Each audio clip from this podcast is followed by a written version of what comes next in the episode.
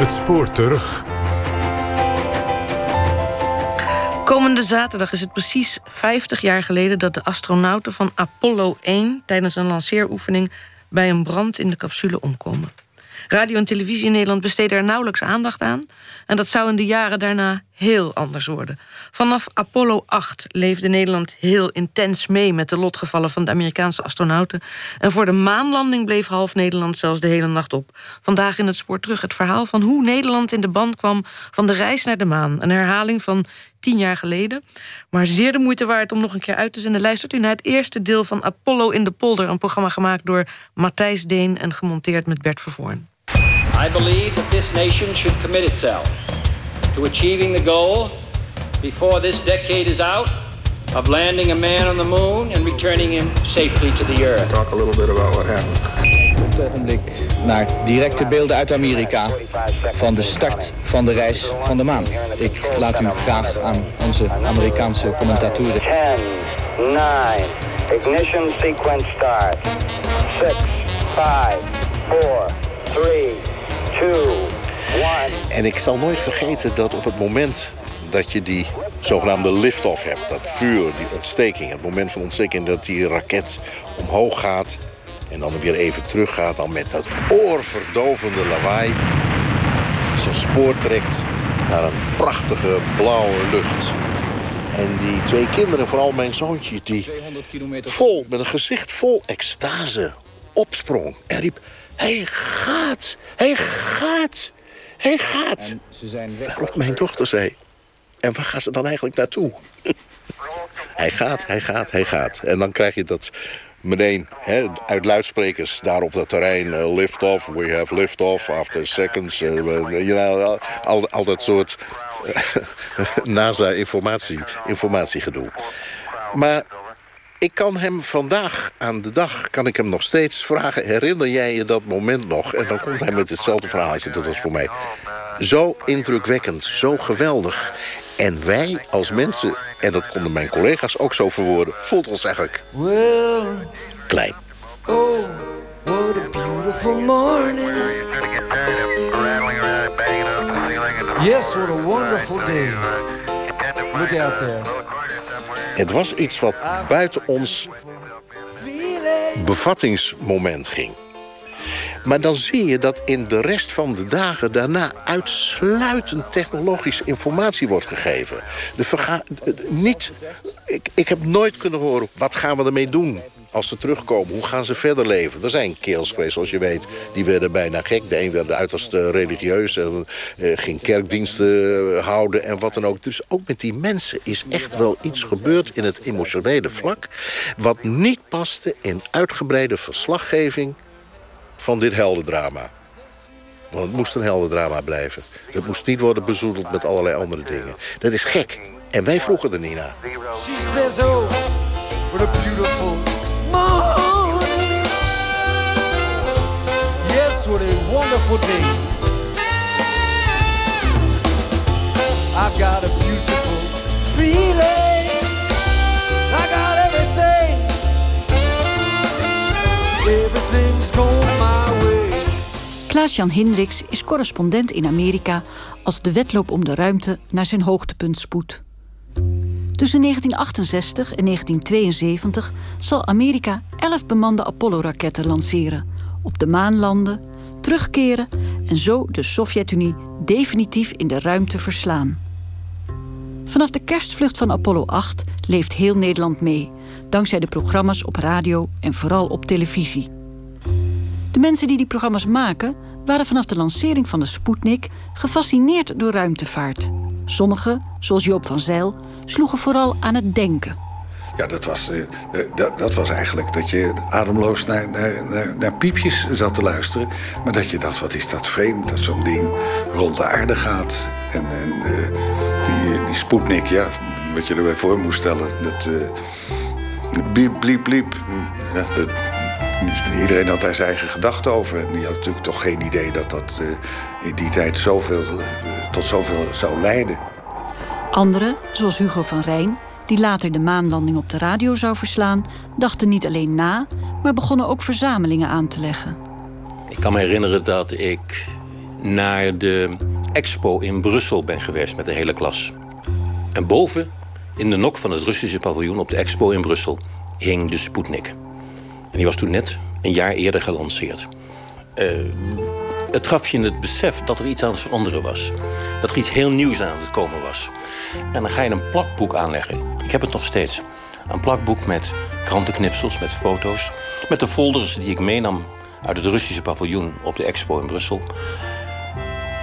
En vanaf dat moment was mijn belangstelling voor ruimtevaart gewekt. En Rudolf Spoor, de regisseur die de televisieprogramma's zou maken, raakte zo begeesterd dat hij in zijn achtertuin zijn eigen raketten begon te lanceren. Wat er nu tevoorschijn komt, dat zijn allemaal andere stukken raket. Maar hetgene wat ik eigenlijk wilde laten zien, dat is dat dit is een voetstuk waar eigenlijk een pijp op stond. En daar gaat die raket bovenop. Dat stuk van bijna 20 centimeter is gewoon afgebroken. Hebben we ook nooit teruggevonden. En moet je kijken wat, wat ik hier in mijn handen heb. Dat is dus allemaal stukken ijzer die gewoon losgelaten hebben. Die vlogen rond onze oren. Het keukenraam lag eruit. Eh, dat toen heb ik toch maar na de hand uh, mijn lanceerterrein verplaatst naar de duinen van Bentveld. Maar goed, overal komen foutjes voor. Dat overal wel wat misgaat, ondervindt ook het Apollo-project. De astronauten Grissom, White en Chaffee zullen binnen enkele weken door Amerika de ruimte in worden gestuurd als onderdeel van het Apollo-project dat een Amerikaan op de maan moet brengen. Op Cape Kennedy vertoeven ze dagelijks urenlang in de oefencapsule om zich helemaal thuis te leren voelen in hun ruimtevaartuig en alle te verrichten handelingen met natuurlijk gemak te leren beheersen. Apollo 1, this is Houston to Canton, over. Uh, roger, uh, Houston, I read you. Um, men was vol vertrouwen dat Apollo 1 na de successen van Mercury en Gemini ook een succes zou worden. Eindelijk op 27 januari 1967 kon een laatste generale repetitie plaatsvinden. Weinig kon hij vermoeden dat de drie Amerikanen die voor de eerste vlucht met een Apollo-capsule waren aangewezen, enkele uren later tijdens een repetitie van de lanceringsprocedure op Cape Kennedy de dood zouden vinden. Virgil Grissom, Edward White en Roger Chaffee waren, gekleed in hun ruimtepakken, vastgesnoerd in de met zuivere zuurstof gevulde cabine op de top van de 70 meter hoge Saturnus-raket toen er door nog onbekende oorzaak brand uitbrak. De drie astronauten waren niet meer in staat zich te bevrijden en kwamen in de capsule om het leven. Hun tragische dood zal volgens deskundigen het Amerikaanse maanprogramma met zeker een half jaar vertragen.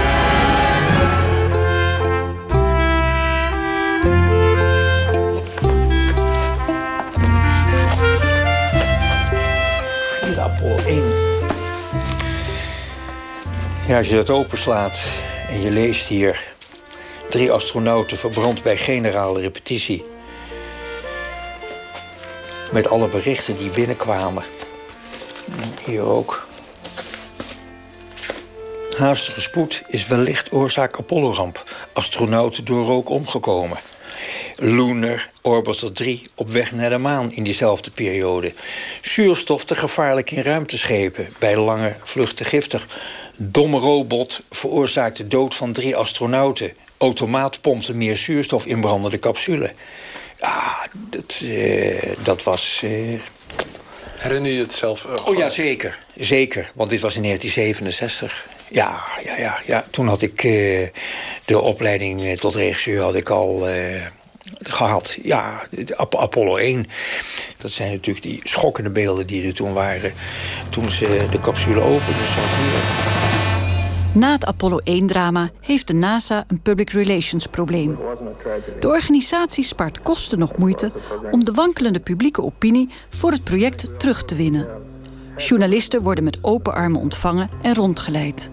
Ehm, natuurlijk was de NASA erop uh, op gebrand dat er zowel in het binnenland, maar ook in het buitenland een, eh, zeer goed en zeer positief beeld van het maanlandingsprogramma zou ontstaan. Want de NASA is uitsluitend uh, afhankelijk van belastinggeld. En dat belastinggeld dat zal uh, op allerlei manieren moeten komen. En onder andere door de politiek. En de politiek wordt weer beïnvloed door de mensen thuis. En de mensen thuis kunnen dus beïnvloed worden door radio- en televisiereportages. Journalist Hugo van Rijn en regisseur Rudolf Spoor mogen beide de gastvrijheid van NASA genieten en een feestelijke rondtocht langs de hoogtepunten maken. Ik kom in Washington en ik kom daar bij het hoofd van de persvoorlichting, Julian Scheer. En hij zegt, nou Rudolf, geweldig, dit en dat. En in dat gesprek, wanneer ga je weer terug? Ik zeg, morgen ga ik weer terug. Morgen ga je weer terug. Hij zegt, eh, we hebben een heel programma voor je uitgestippeld. En dat heeft de NASA helemaal voor je opgezet en dat wordt ook betaald. Hij zegt, eh, de plannen zijn dat je hier nu eerst eh, anderhalve dag bent. Dat je dan doorvliegt naar Cape Kennedy. Daar krijg je een uitgebreide rondleiding. Dan kan je de fotoarchieven en de filmarchieven kan je allemaal bekijken. Ik kreeg de kans om, om te beginnen naar Amerika te reizen. Om daar op Cape Kennedy rond te kijken, om daar de maanraket te zien. Om naar uh, Houston te gaan, het vluchtleidingscentrum te bezoeken. Om daar mensen te interviewen. Ik heb Werner van Braun bijvoorbeeld geïnterviewd. En uh, ja. Daarna door naar Huntsville, Alabama. En we weten gewoon dat je al die jaren al gecorrespondeerd hebt met Werner van Braun. En die vindt het heel leuk om je te ontmoeten. Uh, sterker nog, hij is bereid voor een interview. Ik ben dus inderdaad in, uh, in Alabama geweest, in Huntsville, waar uh, de raketten gebouwd werden door Werner van Braun, door het team van Werner van Braun. Alabama, op dat ogenblik nog een volledig gesegregeerde samenleving. En vervolgens eindigen we in Los Angeles bij de fabrieken van de, de maanlander en de Apollo-capsule. Dat, uh, ja, we hebben er ongeveer een dag of acht, negen voor uitgetrokken. En toen kreeg ik natuurlijk ongelooflijk veel materiaal mee. En uh, goed, je vliegt dan op een bepaald ogenblik naar, naar Orlando, in het midden van Florida. Dan moet je nog met een, met een auto dwars door Florida naar de kust toe. En dan kom je daar op dat Cape Canaveral, zoals het toen nog heette, aanrijden. En daar staat hij dan. Die, die gigantische raket met die silo ernaast. En dan denk je, kan dat ding ooit van de grond komen? Gaat het ooit lukken? Oh, I've got a beautiful feeling.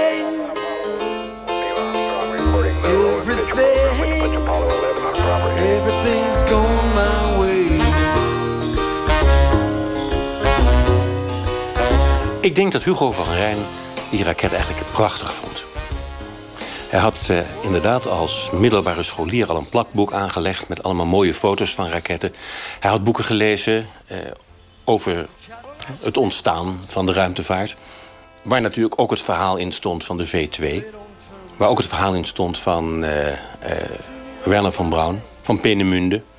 Van de nazi's die de raketten wilden hebben om daarmee de oorlog te winnen. Alle raketten die op Antwerpen terecht zijn gekomen. Alle raketten die heel veel mensen in Engeland gedood hebben. En met de man die daarvoor verantwoordelijk was, ging je dus praten. En durfde je als broekie om ook nog te vragen hoe hij eigenlijk over zijn eigen oorlogsverleden dacht. Ik denk dat ik nu, ik inmiddels uh, 60 ben, uh, misschien een wat genuanceerdere kijk op zou hebben. Maar die kijk had ik toen nog niet. Dat moet er gewoon bijgezegd worden. Dat geldt natuurlijk voor iedere journalist. En ik denk dat mensen dat vaak te weinig beseffen. Maar journalisten zijn ook maar mensen. Het programma uh, nog in deze decade een Amerikaner op de maan te landen. Ik kan me nog herinneren, het eerste gesprek wat we met hem hadden... dat was in Huntsville op zijn kantoor. Uh, daar hebben we toch zeker anderhalf uur de tijd voor gehad. In alle rust en niet even gauw gauw binnenkomt. Ook terwijl wij bezig waren met de filmploeg om de apparatuur op te stellen erbij zijn, zodat ik intussen met hem wat vragen kon doorlopen. En Peter Schreuder was er natuurlijk ook toen bij. Maar niet zo van, oké, geef maar waarschuw, uh, waarschuw maar via mijn secretaresse als het klaar staat. Nee, betrokkenheid. Een gedreven man die zijn uh, ervaringen en de resultaten van zijn jarenlange onderzoek... en ervaring dus op raketontwikkeling en bouw... niet onder stoelen of banken uh, stak die door de Amerikanen op een door de Amerikanen gewenst moment... op tijd uit Duitsland werd gefutseld... en met een aantal van zijn medegeleerden naar Amerika werd gebracht... en daar ruimte en geld en mogelijkheden kreeg om aan dit project uh, te werken. Met veel succes. Nou, in de commentaar heeft wel een rol gespeeld... dat, dat, dat de man van de V1 en de V2 uit de Tweede Wereldoorlog... die uh, toch behoorlijk wat onheil heeft uh, aangericht in, in Europa dat Werner von Braun dat hij nou de man was die de, de Saturnus 5B-raket had ontwikkeld. En dat hij zo'n hoge positie had bij de, in de Amerikaanse ruimtevaart dat daar de, nodige lelijke dingen over gezegd werden. Maar ja, dat is op een gegeven moment toch verstomd onder, het, uh, onder, onder de, de laag uh, interessante toestanden rond de ruimtevaart. Nee, wij hadden een held opgebouwd in een heldenproject. En de held in een heldenproject slag je niet af met dit soort vragen. Dat paste niet, dat zou niemand, denk ik, ooit aan gedacht hebben. Maar die mens, die ene man, die Duitse graaf was die, geloof ik. Graaf von Braun die daar in dat kleine kantoortje in Huntsville, midden in Alabama zat. En die toch de verpersoonlijking was van die droom. Hij had die droom ook al. Zelfs in die tijd dat hij die gruwelijke V2 bouwde voor de nazi's, had hij die droom van de ruimtevaart. De mens buiten de planeet brengen. De mensen naar andere planeten, naar andere delen van het heelal brengen. Ja, je kunt zeggen dat die hele Apollo-affaires... dat dat, uh, dat past eigenlijk niet in een aards kader. De, de Apollo, ja, dat was iets van, van een beetje ook van een andere wereld. Dat stond boven het menselijk niveau en het menselijk bestaan. Werner van Braun ziet mij dus met die voorlichter weer de lift inkomen... klampt mij aan en zegt... Ik wil nog één ding tegen je zeggen. En toen zei hij alleen maar tegen mij als Nederlandse journalist... Anthony Fokker. Dat zei hij, Anthony Fokker. En ik begreep in een seconde wat hij daarmee bedoelde. Fokker, de Nederlander, is iemand geweest die in de Eerste Wereldoorlog aan Duitse kant heeft gestaan. En die de Duitse militaire luchtvaart geholpen heeft, onder andere door de uitvinding van de mitrailleur die door de vliegtuigpropeller heen kon schieten. En Fokker is iemand geweest die na de oorlog de meest fantastische passagiersvliegtuigen gebouwd heeft. Fokker heeft dus na zijn militaire carrière zoveel goede dingen gedaan voor de burgerluchtvaart. En met hem wilde Van Braun zich kennelijk vergelijken. Je hebt allebei in je leven kennelijk een, ja, een periode waarin je dingen moet doen waar je waarschijnlijk na afloop niet met trots aan terugdenkt. Maar er is ook een periode waarin je dingen kunt doen die de mensheid uiteindelijk verder helpen. En dat heeft Anthony Fokker gedaan na de oorlog. En Werner van Braun. Maar, maar nogmaals, Werner van Braun was natuurlijk toch voor ons Europeanen een hele bijzondere man. Hij was de Europeaan die naar Amerika was gegaan. Hij was de Europeaan die het voor Amerika mogelijk maakte om dit programma uit te voeren. Uiteindelijk kun je een beetje zeggen van ja, wij zijn het geweest die het voor elkaar gekregen hebben met onze Europese Amerikaan. Je gaat toch het sprookje van wat je allemaal kunt... en hoe je bezig bent om de toekomst van de mensheid opnieuw gestalte te geven... zo'n sprookje ga je toch niet, laten we zeggen, bevuilen... met de geschiedenis voor wie deze mannen ooit ook hebben gewerkt. Misschien kan ik mijzelf wel eens verwijten... daar in uitzendingen geen aandacht aan besteed te hebben. Ik ben ook nogmaals naar Amerika gegaan bij Van Braun thuis. Heb hem geïnterviewd in het kader van zijn verrichtingen... en heb hem die vraag niet gesteld.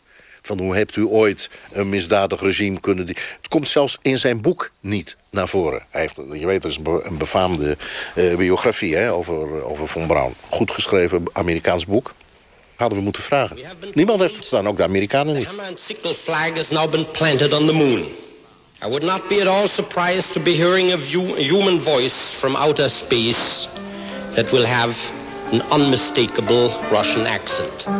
Gather round while I sing you of Werner von Braun, a man whose allegiance is ruled by expedience. Call him a Nazi, he won't even frown. A Nazi schmatzi, says Werner von Braun. Don't say that he's hypocritical, say rather that he's apolitical. Once the rockets are up, who cares where they come down? That's not my department, says Werner von Braun. Some have harsh words for this man of renown, but some think our attitude should be one of gratitude, like the widows and cripples in old London town, who owe their large pensions to Werner von Braun. You too may be a big hero, once you've learned to count backwards to zero. Zo begon voor de drie astronauten van de Apollo 8 het avontuur dat hen in zes dagen naar de maan en terug zou brengen. Twee en een halve minuut na de start op Cape Kennedy wierp de Saturnus 5 van de aarde af duidelijk zichtbaar de eerste trap. Het was koud in Houston in december 1968. De lancering van Apollo 8 op de 21ste van die maand verliep vlot. Het was de eerste bemande vlucht die gelanceerd werd met een Saturnus 5-raket. De eerste vlucht die een bemand ruimteschip rond de maan zou brengen. De eerste maal dat we hier op aarde in live televisie het maanoppervlak te zien kregen. Wie zal het vergeten? Onderweg daarheen, op de tweede dag van hun ruimtereis... verzorgden ze een rechtstreekse televisieuitzending naar de aarde... waarbij onder andere William Anders in beeld kwam... toen hij met een tandenborstel de gewichtloosheid demonstreerde. Ja, het was een, een ontwikkeling naar... Uh, nou, laten we, laten we zeggen, de, de, wereld en het heelal werd, werd, werd kleiner. Het werd allemaal meer bereikbaar en dat had je daarvoor niet. Ik heb als, als leek heb ik daar uh, ademloos naar, naar, zitten kijken... van hoe, hoe je steeds dichter bij God kwam, bij wijze van spreken. Het gaat over de voorbereidingen voor de televisieuitzending... die als, als, als alles goed gaat over 48 minuten zal beginnen. The red and blue filter holder and some tape. Over. En nu commentaar door Klaas-Jan Hendricks vanuit Houston. Ja, dit is het laatste nieuws over de Apollo 8. De bemanning van de Apollo 8 die net bericht heeft dat ze klaar zijn voor de televisieuitzending. Ze hebben instructies uitgewisseld met het controlecentrum in Houston. En daaruit kunt u opmaken dat we straks klare beelden kunnen verwachten... van het gezicht dat de astronauten hebben op de aarde. En dat was eh, kerstmis 1968 in studio 3B in Bussum. Alles zwart-wit natuurlijk. En dat was, ja, natuurlijk geweldig. Je hebt natuurlijk de kerstsfeer. Uh, op korte termijn was er toen een beslissing genomen van uh, de Apollo 8 die gaat naar de maan. Drie mensen die daarheen gaan. Ja, het was zo indrukwekkend. Zo bijzonder. Terugkeer. Ja, alles. En dan zijn we op dit ogenblik bij het Apollo NRU Centrum over de berichtgeving. Want wij krijgen hier op dit ogenblik in Nederland het geluid door... dat rechtstreeks komt vanuit de Apollo 8-cabine. Aan de telefoonlijn hebben we tevens onze correspondent bij Mission Control, Peter Schreuder. Peter, hoe komen de beelden door in Amerika? De beelden zijn op het ogenblik, zit, uh, de aarde staat midden op het scherm hier van de televisie. Televisie en live televisie uh, stond natuurlijk toen nog meer in de kinderschoenen dan vandaag. We zijn nu niet meer verbaasd wanneer we naar een voetbalwedstrijd uit Argentinië of uit Chili kijken. Dat het zeer bijzonder blauw was, dus heel erg blauw vanuit die hoogte. En dat het land veel groener leek dan, uh, dan zo oorspronkelijk gedacht hadden. Ja, maar de beelden... dat er minder ijs... En toen was het iets heel anders.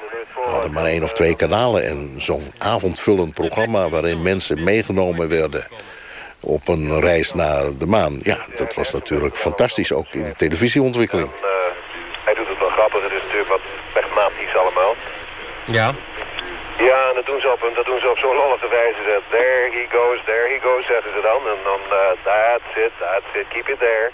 De verslaggeving van het Apollo-project ter plaatse behoorde in mijn opinie afstandelijk te worden gegeven. In een context te worden geplaatst. Wat wij onvoldoende hebben gedaan. Met ons allen. In de juiste context. En die op dat moment... Ja, voor het geval ze nu de televisie willen misschien niet genoeg tot ons doordrongen. Ik kan nog even vertellen dat deze beelden uh, vermoedelijk om 7 minuten over half 10 door de NTS via Nederland 1 zullen worden uitgezonden. Tot zover deze NRU-uitzending over de televisieuitzending vanuit Apollo nou, Ik vond het een krankzinnige gedachte dat je van, van, van 38.000 kilometer ver onze planeet kon zien. En als je dan denkt wat daar op de aarde allemaal gebeurde... hoe de mensen daar elkaar door de eeuwen in de hersens inslaan... Dat, dat was het eerste wat ik dacht. Ik denk, dat is daar in dat kleine balletje... waar we nu uh, tienduizenden kilometers vandaan staan te kijken... hoe dat eruit ziet. En dan weten we nog niet eens wat er verder allemaal in het heelal... of in het zonnestelsel is en nog verder. Ja, dat is een, een, een, een krankzinnige en onzekermakende gedachte. Ik kan me voorstellen dat als je een geloof hebt... dat je daar een houvast aan hebt. Maar als je geen uh, religie aanhangt... of überhaupt niet zo gelovig bent... dan denk je van, wat, wat moet dat? Wat doe ik hier? Ik vond het schitterend. Ik vond het zo indrukwekkend. Die foto van Apollo 8, van de aarde... Die foto. Het is ook een van de meest bekeken foto's uit de geschiedenis. Het is ook echt een foto die impact heeft gehad. Op, op, op miljoenen mensen. Niet alleen op mij. Die foto heeft je voor het eerst het besef gegeven van waar je bent. De, die eerste foto van Apollo 8 kan ik me heel goed herinneren. Prachtig. We hebben hem uh, gebruikt. We hebben hem misbruikt op alle mogelijke redenen. Ik heb hem zelfs in de logo en in de leader van Panoramiek... de buitenlandrubriek van de NOS, ooit verwerkt. Een spectaculaire foto waar uh, de NASA buitengewoon trots op was. Vergeet niet dat je de eerste keer dus ook het maanoppervlak zag. Met de aarde erbovenuit. Opgenomen door de mens die dus uit het raam kijkt met die televisiecamera. Dat komt dan terug op aarde. En als je dus over de afstand kijkt, zie je dus geen, uh, geen grenzen. Je ziet alleen dus een, een blauwe knikker boven die maanhorizon. Op die grote afstand. Nou, en als dat gebeurt tijdens uh, de kerstnacht, dan uh, is dat wel heel bijzonder.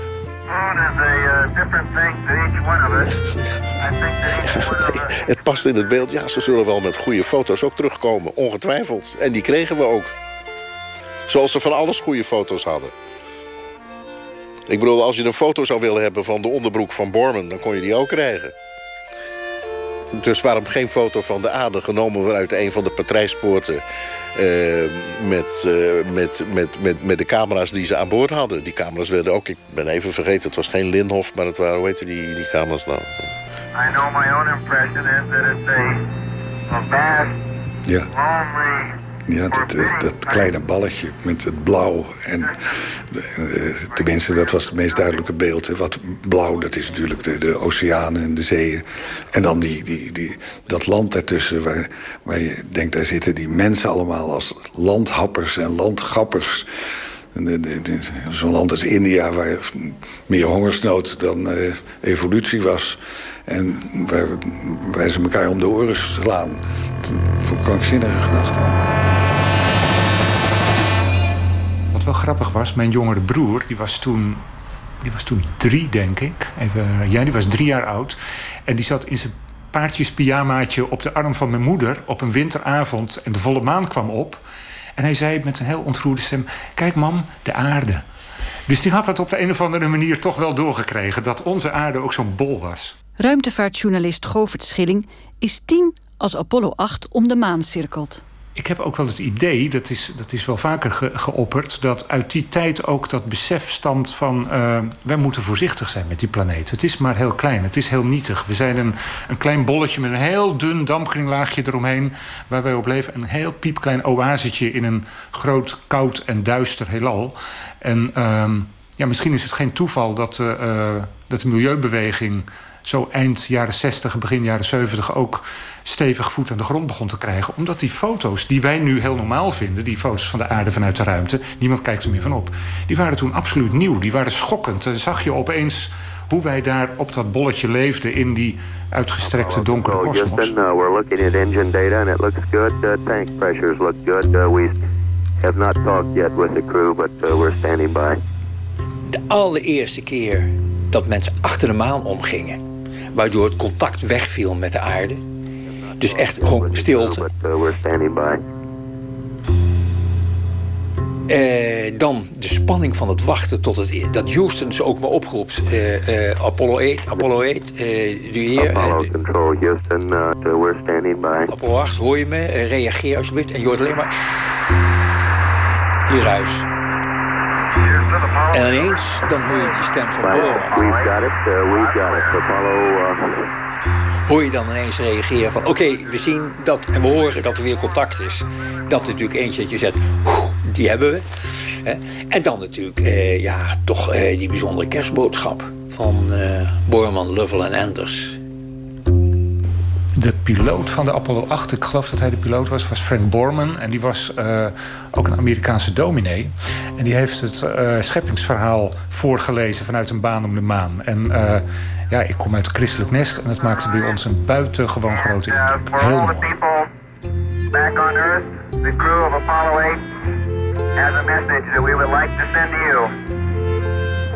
In the beginning, God created the heaven and the earth. Nee, flauwekul. Onzin. Wie heeft dat bedacht? De opwinding die kijkers in Nederland voelden op dat moment... en waar wij wel van hoorden... en natuurlijk ook over lazen als de kranten kwamen... hebben wij, denk ik, ter plaatse veel minder gevoeld. Wij zien wel dat het effect heeft op het publiek, maar het wordt gedaan voor het publiek. Zoals een groot deel van dit hele project gericht was op het Amerikaanse en internationale publiek... om het imago van de Amerikanen op te vijzelen. Het Genesis-verhaal was natuurlijk fantastisch. Wat een public relations stunt, dachten vele journalisten. En zeiden dat ook tegen elkaar. Maar riepen dat niet in de microfoon of zeiden dat voor de camera.